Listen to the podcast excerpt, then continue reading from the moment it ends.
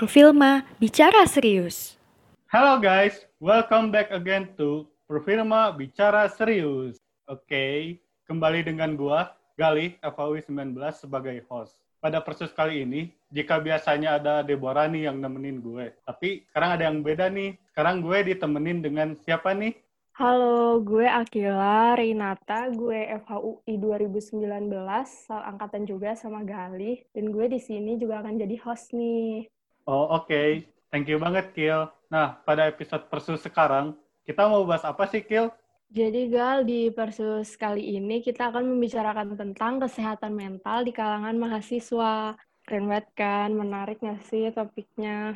Selain ada gue dan Akila, di sini juga nih ada pembicara-pembicara yang keren juga. Boleh dong perkenalan diri? Oke, halo semuanya. Jadi halo, perkenalkan nama gue Kian. Gue Fakultas Psikologi UI angkatan 2018 dan di sini gue uh, mewakili teman-teman saya UI untuk membicarakan tentang kesehatan mental. Oke, thank you Kak Kian. Terus ada siapa lagi nih? Halo, halo, halo, halo. Halo. Uh, kenalin. Halo, uh, gue Ryan dari FAUI 18 terus habis itu gue sekarang jadi BPH internal untuk perfilma ya gue di sini suruh bantu-bantu lah ngobrol oh. juga gitu Anjay, Lil Gustang in the house ya bang? Yes. Oke, okay. BTW ngomong-ngomong, kita kan bahas di kalangan mahasiswa ya.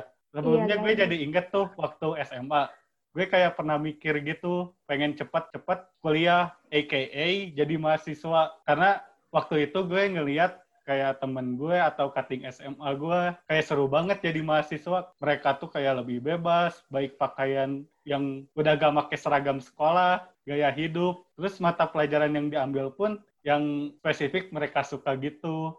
Ya tapi ternyata setelah jadi mahasiswa wah ternyata lebih susah. Nah, jadi mahasiswa juga katanya sih lebih menguji kesehatan mental gitu. Sebenarnya iya gak sih kalau kesehatan mental itu lebih berhubungan dengan mahasiswa? Oke, jadi sebenarnya semua orang, sebenarnya nggak cuma mahasiswa ya yang berhubungan dengan kesehatan mental, semua orang bahkan sejak bayi pun itu pasti berhubungan dengan namanya kesehatan mental. Jadi uh, di seluruh tahap perkembangan kita pasti bersinggungan dengan masalah-masalah ataupun tahap-tahap perkembangan lain yang bakal mempengaruhi kesehatan mental kita. Gitu sih kalau menurut gue. Oke. Okay. Bang Ryan gimana nih sebagai mahasiswa yang gue lihat-lihat tuh sih kehidupan mahasiswanya ceria. Uh, gimana ya? Sebenarnya kayaknya tadi Kian juga udah benar gitu nggak setahunya. Kayaknya dari setiap kehidupan kita juga akan berhubungan dengan kesehatan mental. Cuman kalau ditanya tentang mahasiswa apa, apakah mahasiswa berhubungan apa enggak? Ya menurut gue berhubungan banget sih. Apalagi kan kita udah mulai tanda kutip dewasa gitu kan, udah bisa dibilang mencoba untuk hidup lebih mandiri gitu. Jadi kayak gue pikir ini sangat berhubungan dengan masalah kemahasiswa. Nah, sebenarnya gue sendiri penasaran sih, kalau pengertian kesehatan mental nih, secara umum aja, pendapat dari Kakian ataupun Bang Ryan gimana sih? Mungkin gue bakal coba nih menggunakan pengertian dari WHO sendiri. Jadi, kalau menurut WHO, kesehatan mental itu adalah keadaan sejahtera, di mana setiap individu itu bisa mewujudkan potensi mereka sendiri. Nah, uh, menurut gue sendiri, jadi dalam kondisi kesehatan mental, sebagai individu itu bisa nih mencoba untuk mengatur dirinya sendiri sehingga mereka tuh bisa lebih hidup secara lebih bermakna. Nah, selain itu mungkin mau nambah sedikit, uh, sebenarnya tuh kesehatan mental sama kesehatan fisik itu ya nggak beda jauh sebenarnya sih. Mungkin bedanya cuma lebih ke penanganan. Kalau sakit fisik kan biasanya ke dokter, terus ke fisioterapi, dikasih obat atau bahkan sampai operasi kan. Nah, kalau punya masalah kesehatan mental itu kita bisa banget nih ke uh, konselor, psikolog, atau bahkan sampai psikiater biar mendapatkan penanganan yang lebih tepat untuk kesehatan mental kita. Gitu sih kalau pendapat gue. Oke. Bang Ryan gimana nih Bang? Wah, gue boleh ibit nggak sih? Kayaknya udah, udah, udah, udah benar kayaknya ya. Kayak gitu yang mungkin gue nggak bisa ngasih definisinya, cuman tadi sih gue pengen nge-highlight yang tadi uh, Kian bilang kalau misalnya sebenarnya tuh kesehatan mental sama kesehatan kesehatan fisik tuh sama-sama penting gitu loh karena kalau yang gue lihat sama-sama harus ditangani dengan baik gitu loh karena sama-sama menyebabkan hal-hal negatif yang sama bisa sama-sama sakit bisa sama-sama apa. Cuma mungkin kesehatan mental nggak kelihatan aja gitu. Jadi penting gitu menurut gue gue nggak bisa ngasih definisi sih Gali. Hmm, ya nggak apa-apa sih bang. Oke, tadi kan mengenai pengertian kesehatan mental dan hubungannya dengan mahasiswa, menurut Kak Kian Tama itu, kesehatan mental tidak hanya berhubungan uh, semenjak kita jadi mahasiswa atau beranjak dewasa gitulah, tapi udah berhubungan sama manusia sejak mereka bayi. Dan uh, Kak Ryan juga sempat bilang tadi kalau kenapa pas mahasiswa itu kita jadi lebih merasakan mengenai uh, apa yang terjadi dengan kesehatan mental kita karena mungkin kita udah beranjak dewasa dan uh, mencoba untuk mandiri ya jadi lebih berasa gitu. Nah, sebenarnya di kalangan mahasiswa itu sendiri, uh, gambaran atau keadaan isu kesehatan mental pada saat ini seperti apa sih? Uh, mungkin gue coba gambarin aja ya. Ini tuh berdasarkan hasil kajian yang dibuat oleh tim riset dan kajian dari BEM Fakultas Psikologi UI pada tahun 2020 itu mereka meneliti tentang kondisi kesehatan mental mahasiswa UI. Ini UI ya gue uh, ngejelasinnya, terutama saat pandemi. Nah, di sini kita menggayat sekitar 600 partisipan dan hasilnya itu cukup mengejutkan teman-teman. Di mana 48,9% mahasiswa yang jadi partisipan itu punya gangguan kecemasan. Nah, terus hal itu diperparah dengan kondisi uh, eh, 55,7 persen dari partisipan itu juga punya gejala depresi, serta 64,6 persen itu punya kualitas tidur yang buruk. Nah, itu gambaran uh, kesehatan mental di UI selama pandemi. Ini belum cakup seluruh universitas tentu aja. Jadi kalau di UI aja segini, apalagi di tempat lain gitu loh. Itu sih kalau gambarannya. Kalau untuk Bang Ryan, uh, tadi kan udah di sebutkan dari hasil kajian BEM Psikologi uh, apa saja yang dirasakan mahasiswa mengenai kesehatan mentalnya, terutama pada saat pandemi. Kalau dari penglihatan Bang Ryan sendiri, uh, sebenarnya kesehatan mental yang sering dirasakan teman-teman uh, menurut Bang Ryan itu seperti apa, Bang?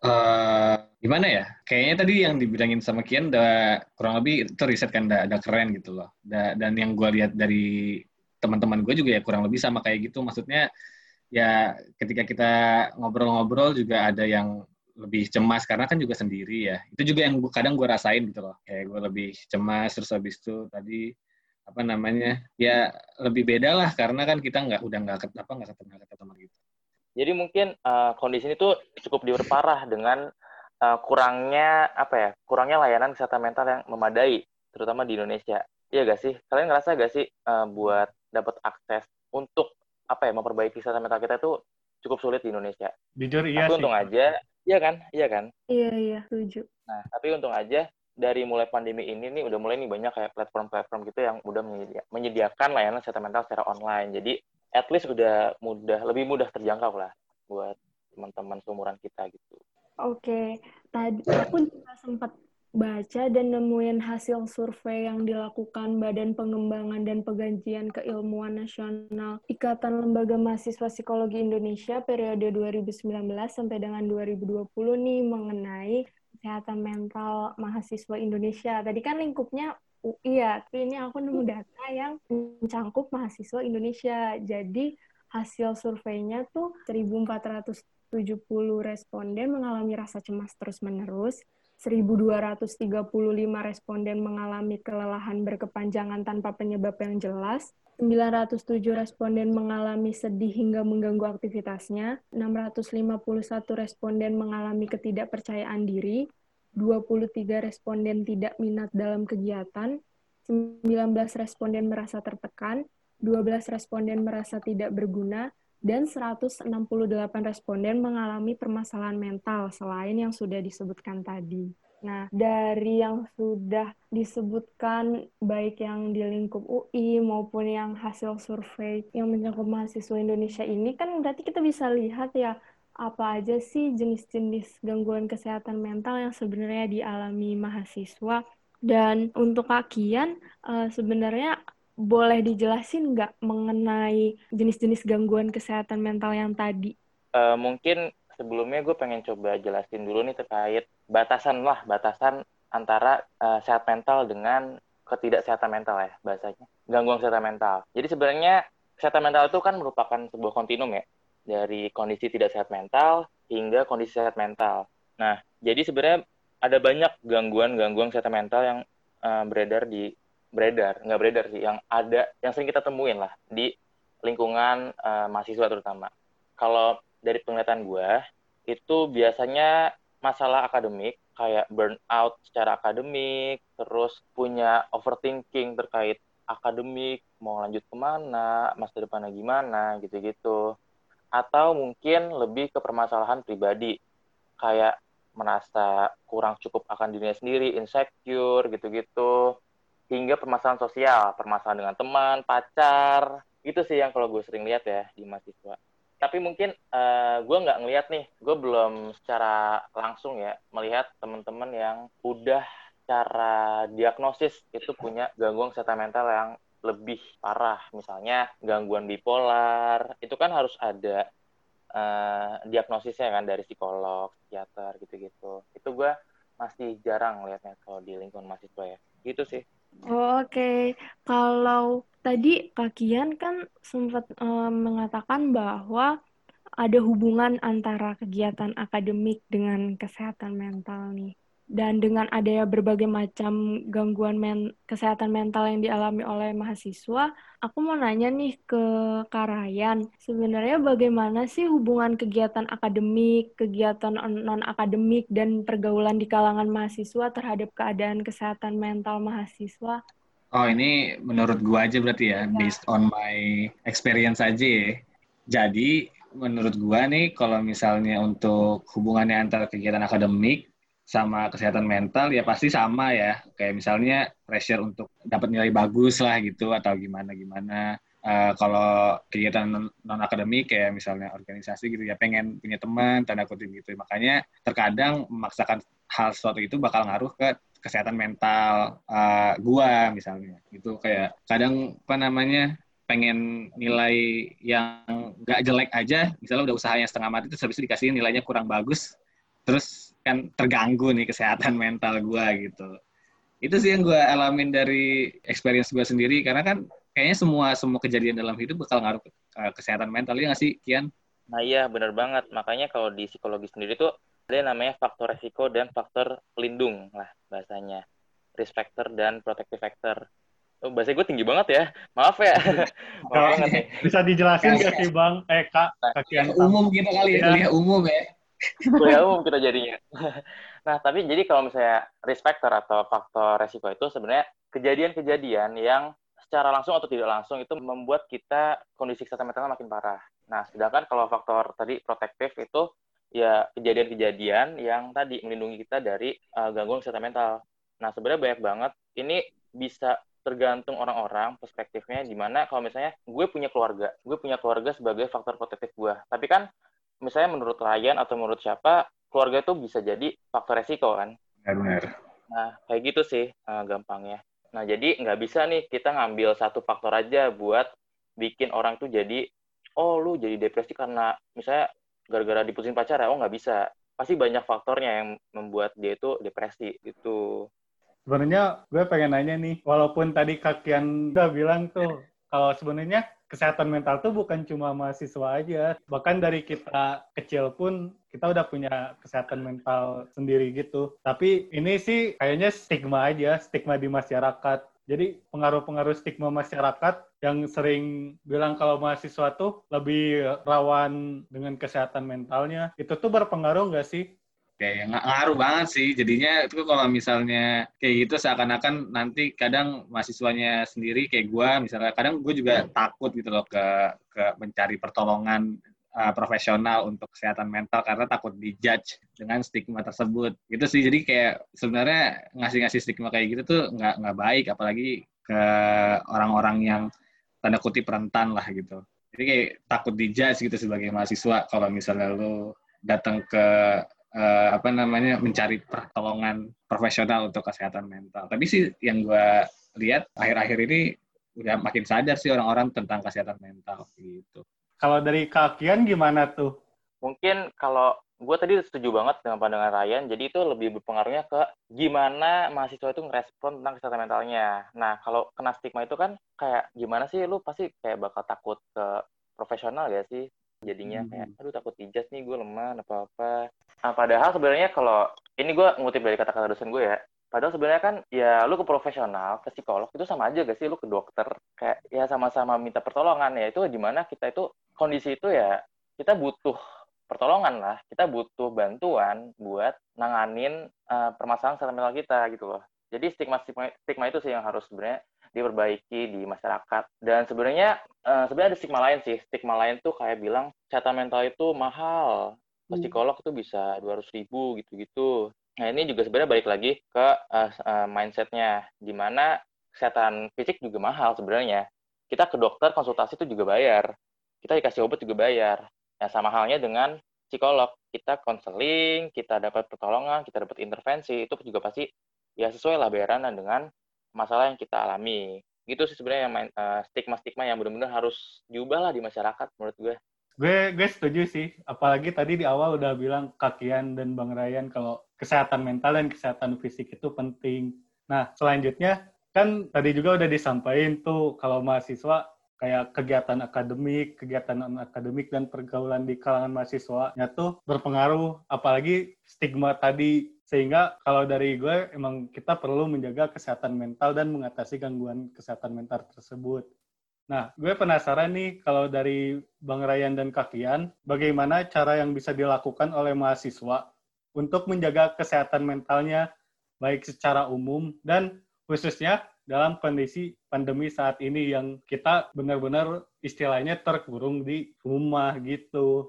Eh, kalau dari gue berarti kembali lagi ya, ini based on my experience saja ya. Pertama, yang gue lakukan adalah pastinya uh, ini ya apa namanya kita harus ngelakuin hal-hal yang tanda kutip kita suka gitu di rumah. Maksudnya nggak usah maksa-maksain sesuatu.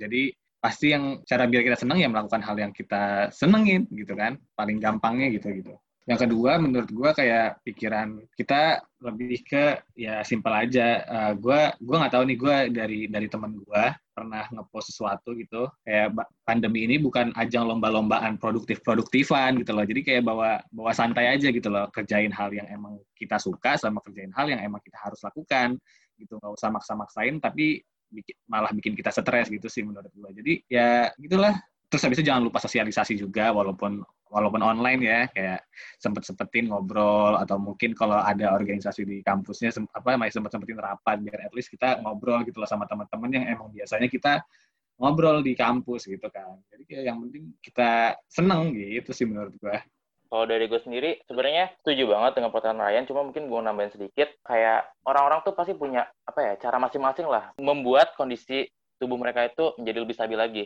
ya mungkin tadi cara cara kalian tuh gimana sih kalau misalnya lagi stres? Coba deh cerita deh.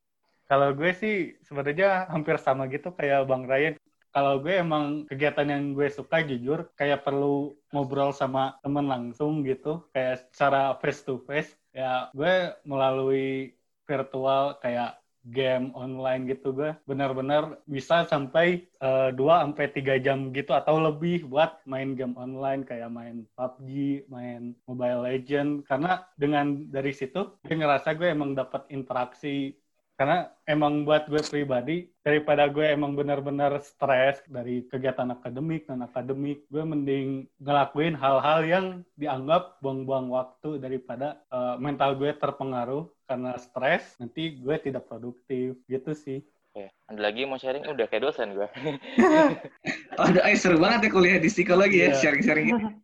Bener apa yang dibilang sama Bang Ryan dan Kakian tadi, gue juga sama kayak Gali. Gue tuh kalau lagi merasa kayak ada beban sesuatu yang gue rasakan gitu, gue pasti ngelakuin hal-hal yang gue suka. Maksudnya hal-hal ringan tapi gue suka. Kayak misalkan nonton film, nonton series, dengerin lagu, atau gue teleponan sama temen cerita-cerita gitu. Mereka lagi sibuk apa gue lagi sibuk apa gitu sih. Dan kadang walau misalkan lagi banyak tugas terus gue merasa berat kadang gue harus ingetin diri sendiri kalau udah jangan dipaksain dulu lu istirahat dulu gitu. Kadang kan kalau tugasnya banyak tuh keterusan ya kayak jadi jadi berat sendiri. Tapi gue kayak harus ingetin diri sendiri kalau udah istirahat dulu nanti dilanjutin lagi gitu.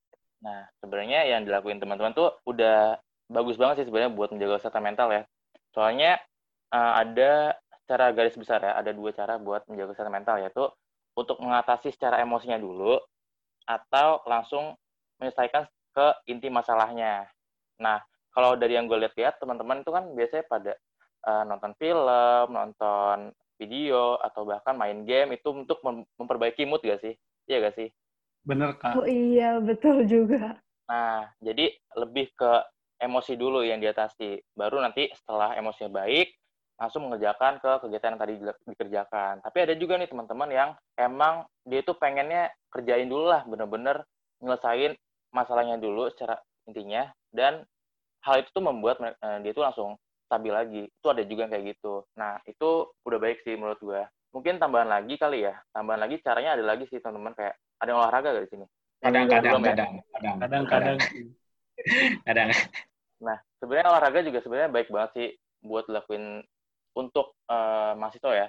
Soalnya kan olahraga itu kayak ngelepas hormon endorfin. Nah, hormon ini tuh yang sebenarnya yang apa ya? Salah satu hormon yang uh, bekerja nih untuk membantu kita lebih happy lagi sebenarnya. Nah, terus gue tadi pengen ngutip kata-kata Ryan yang sebenarnya kan pandemi ini tuh uh, bukan ajang lomba produktif ya.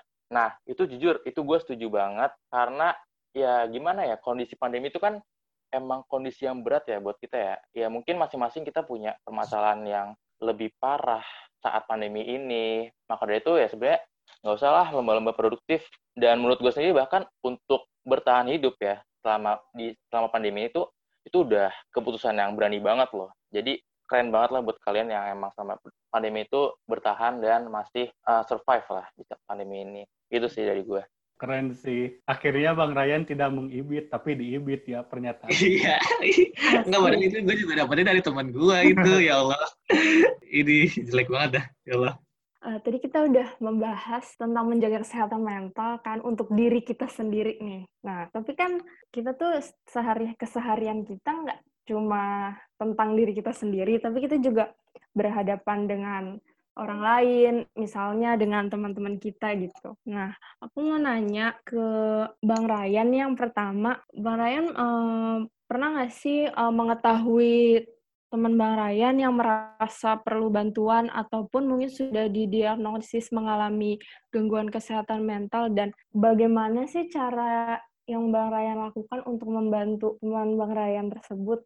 Ini sih uh, yang yang gue tahu nih dari teman-teman gue juga uh, apa namanya bahwa sebenarnya terkadang orang yang uh, yang kayak gitu tuh biasanya tuh kan kita tahunya pasti dari curhat kan dari kita dia ngobrol gue lagi kenapa-napa gitu. Yang gue tahu mayoritas tuh sebenarnya itu hanya ingin didengar. Jadinya yang gue lakukan adalah gue mendengar aja cukup gitu loh. Uh, nggak usah coba apa sih namanya ngasih-ngasih ujangan atau nasihat gitu. Karena ya yang gue tahu mayoritas tuh pada pengen didengar dulu gitu loh. Dan kalau emang pengen ngasih-ngasih nasihat ya pastiin itu udah tepat waktunya gitu. Kalau untuk yang parah-parah banget sih nggak beruntungnya nggak pernah nanya ke gue jadinya kayak gue nggak harus apa namanya memberikan apa. Tapi gue pikir kalau misalnya nanti suatu saat uh, ada yang tanda kutip udah uh, gue rasa parah ya pasti yang harus dilakukan adalah kasih uh, rekomendasi ke orang yang profesional gitu. Itu sih kalau kata gue Iya, setuju banget sama apa yang dikatakan Bang Ryan tadi. Karena gue merasa sih kalau misalnya gue lagi berat gitu gue merasa butuh didengarkan gitu kayak lebih butuh didengarkan daripada minta solusi atau meminta nasihat nah untuk kakian sebenarnya ada nggak sih cara-cara khusus ketika teman kita sedang merasa perlu bantuan Oke, ini mungkin gue jawabnya dari sudut pandang mahasiswa ya maksudnya mahasiswa yang awam kali ya. Gimana sih cara mahasiswa awam ini buat nemenin temennya yang punya gangguan kesehatan mental atau udah diagnosis? Sebenarnya sih menurut gue ada dua poin utama. Yang pertama, dengarkan dan jujur. Nah, dengarkan ini benar banget tadi kata Ryan dan teman-teman semua.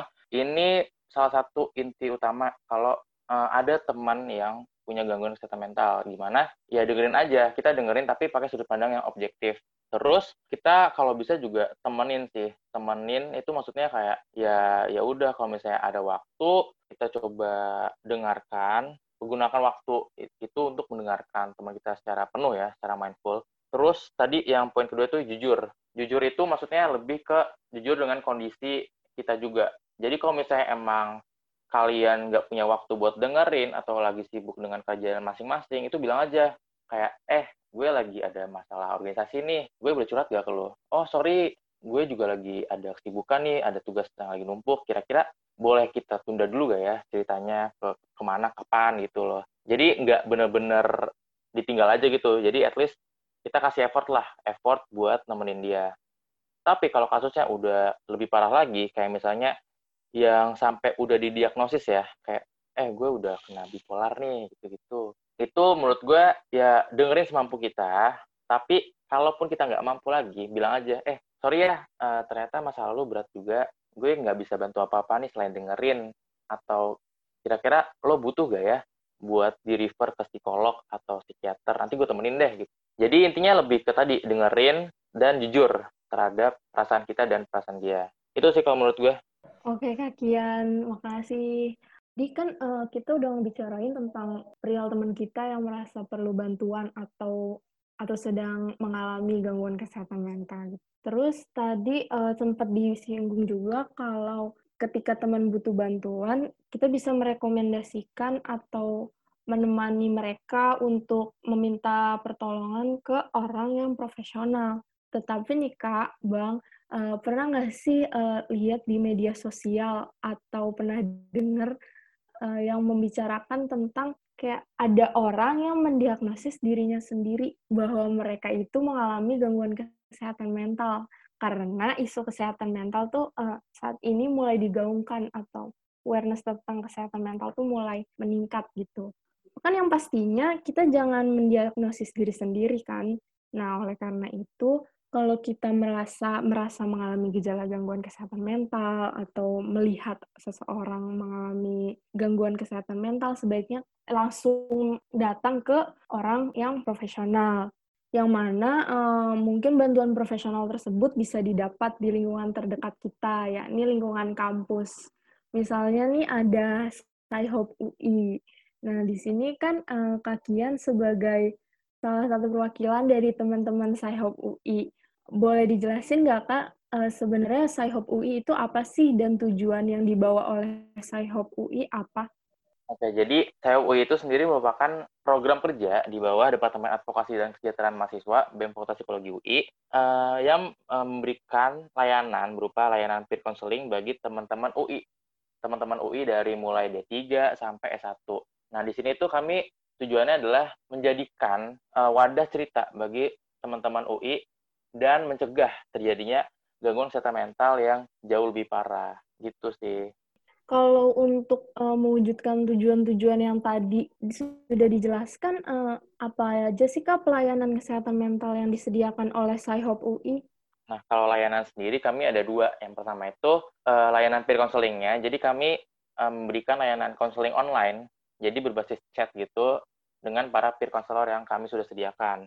Nah, selain itu kami juga kayak sering nih bikin webinar-webinar gitulah buat meningkatkan awareness kesehatan mental di lingkungan UI ataupun eh, lingkungan umum. Gitu sih kalau layanan yang kami beri. Oke Kak, gini sih penasaran juga, bagaimana sih kalau misalnya mahasiswa nih, untuk bisa mendapatkan pelayanan kesehatan mental dari Saihopu itu, bagaimana caranya? Kayak pertama, apakah cuma mahasiswa Fakultas Psikologi saja, atau mahasiswa Universitas Indonesia saja, itu gimana Kak? Oke, jadi kebetulan kami baru bukanya itu cuma buat teman-teman UI aja. Jadi teman-teman D3 sampai S1 di seluruh fakultas dan program vokasi. Itu bisa banget dapetin pelayanan kami secara gratis dengan cara klik, coba deh uh, lihat di Instagram Sci-Hop, at sci-hop.ui. Di situ ada tata caranya, tapi sayang banget kita udah tutup pendaftaran nih buat paruh ini karena ada uh, pergantian dari BEM Fakultas Psikologi UI dari 2020 ke 2021. Nah, tapi kami juga uh, apa ya memberikan beberapa alternatif. Kayak misalnya kalau misalnya ada yang mau daftar itu kami bisa refer ke klinik Makara atau klinik terpadu Fakultas Psikologi UI atau bahkan kalau misalnya kalian nggak cocok dengan kedua layanan itu kami juga punya berbagai apa ya berbagai link lah buat ke pelayanan profesional lainnya. Tapi bukan link secara gratis ya. Maksudnya lebih ke pilihan lah kita ngasih alternatif ini loh ada layanan kesehatan mental di sini secara online berapa biayanya gitu-gitu Oke, okay. ini khusus kakian. Kan kakian pernah bekerja langsung di Sci-Hop UI. Ini misalnya ada ada orang yang merasa malu dan tidak yakin untuk datang ke pihak profesional. Bagaimana supaya kita mengetahui bahwa kita sudah membutuhkan bantuan profesional tersebut. Dan bagaimana cara meyakinkan diri sendiri supaya tidak merasa malu untuk mendapatkan pelayanan profesional tentang gangguan kesehatan mental. Oke, gue coba jawab. Karena gue gue takutnya ini salah ya ilmunya. Karena gue belum terlalu dalam. Tapi uh, kalau menurut gue sendiri cara untuk tahu kapan sih kita butuh pelayanan kesehatan mental itu dari diri sendiri. Kita tanyain eh gue sebenarnya udah capek gak sih? Atau misalnya dalam waktu kurun waktu seminggu itu kita lihat ke diri kita apakah emang butuh atau enggak. Kalau emang sebuah masalah itu udah cukup mengganggu nah itu berarti tandanya kalian butuh. Kalau misalnya kalian sering banget memikirkan suatu masalah itu berarti tandanya butuh udah butuh. Gitu sih caranya. Dan sebenarnya untuk meyakinkan diri sendiri ya buat nggak malu ke layanan profesional lebih ke tadi perbaiki mindsetnya. Kayak ya udah sama aja. Kita ke layanan kesehatan mental ya sama aja kayak ke dokter gitu loh kita butuh bantuan untuk memperbaiki kesehatan mental kita. Tapi sebenarnya itu kan dari dalam diri ya. Kalau dari eksternalnya sebenarnya dari berbagai eh, layanan kesehatan mental itu sebenarnya harusnya ya itu udah punya perjanjian atau udah punya kontrak di mana mereka itu nggak boleh membocorkan seluruh rahasia dari cerita-cerita kliennya. Jadi seharusnya itu udah bisa sih untuk membuat orang-orang itu jadi lebih yakin lah buat cerita ke layanan kami. Gitu sih. Wah, sabi banget tuh buat mahasiswa-mahasiswa yang kayaknya memang perlu banget ke pelayanan profesional. Jadi nggak usah ragu. Karena tadi juga udah disebut udah lumayan banyak nih platform-platform yang menyediakan konseling untuk kesehatan mental. Mungkin ini uh, salah satu yang terakhir. Seberapa penting kesadaran seseorang terhadap kesehatan mental?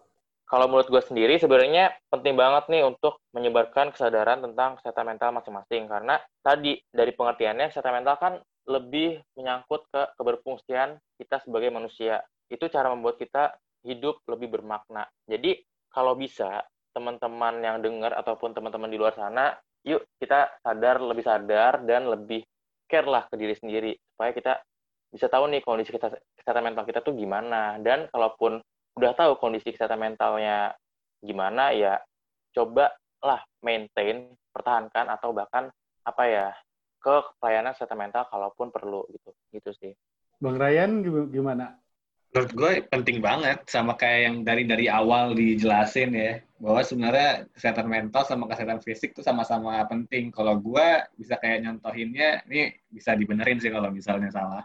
Kayak misalnya ada orang yang pincang sama ada orang yang mungkin lagi depresi. Mereka semua, mereka berdua sama-sama nggak bisa keluar dan mungkin sama-sama nggak bisa nyari uang, sama-sama sakit gitu loh. Jadi menurut gue untuk yang orang-orang yang kira-kira merasa kesehatan mentalnya apa agak uh, terganggu, nggak nggak masalah gitu loh nyari nyari nyari nyari bantuan profesional sama aja kayak kita ke dokter gitu. Jadi kalau ditanya seberapa penting ya penting banget sama kayak kita nyembuhin sakit gitu. Wih keren juga bang Ryan jawabannya. Bisa lah sekali sekali ya keren ya. Keren keren. Terus harapan bang Ryan terhadap isu kesehatan mental saat ini apa bang kalau gua personal sih yang paling simpel adalah eh, ya harapannya semoga mindset tentang apa namanya kesehatan mental ini uh, makin berubah dan makin bisa dimengerti masyarakat. Kalau misalnya kesehatan mental ini juga penting gitu loh. Sakit mental juga sama kayak sakit fisik. Jadi orang-orang tuh nggak malu untuk mencari pertolongan profesional. Itu dulu sih kak harapan gue kalau untuk kakian harapan kakian apa terhadap isu kesehatan mental kalau dari gue pribadi sama dengan Ryan gue pengen bisa nih buat ngilangin stigma-stigma buruk lah terkait kesehatan mental karena itu ngaruh ke gimana orang bisa uh, menjangkau ke layanan profesional. Tapi selain itu, gue juga berharap ya tidaknya pemerintah lah, insya Allah didengar, itu bisa menyediakan layanan kesehatan mental yang lebih banyak dan jauh lebih terjangkau, terutama di daerah-daerah 3T. Gitu sih, karena menurut gue layanan kesehatan mental di sana tuh masih kurang banget dalam segi kuantitas maupun kualitas. Jadi masih perlu banget dikasih perhatian lah, gitu sih menurut gue. Oke, okay. tadi uh, sepertinya emang penutup yang bagus juga dari Bang Ryan dan Kakian Tama dengan closing statement baik itu harapan isu kesehatan mental dan seberapa penting kesehatan mental itu adalah menandakan bahwa podcast episode kali ini udah selesai uh, eh, gue mau ngucapin terima kasih buat Kakian dan Bang Ryan karena udah mau hadir sebagai pembicara dalam episode Persus kali ini. Untuk para pendengar, jangan lupa follow semua sosial media Perfilma FAUI. Perfilma, we are the media.